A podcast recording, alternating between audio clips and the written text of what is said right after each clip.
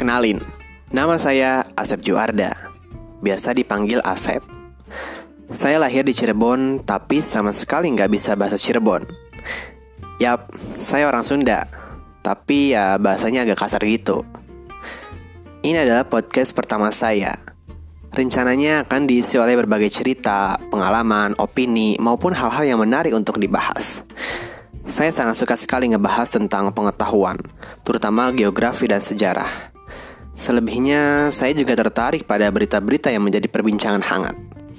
Meskipun saya masih jauh di bawah orang-orang yang ahli. Maaf jika terkadang saya kurang fasih dalam berbicara. Tetapi saya berusaha untuk membuat podcast yang terbaik. Buat kalian semua, tunggu podcast dari saya ya.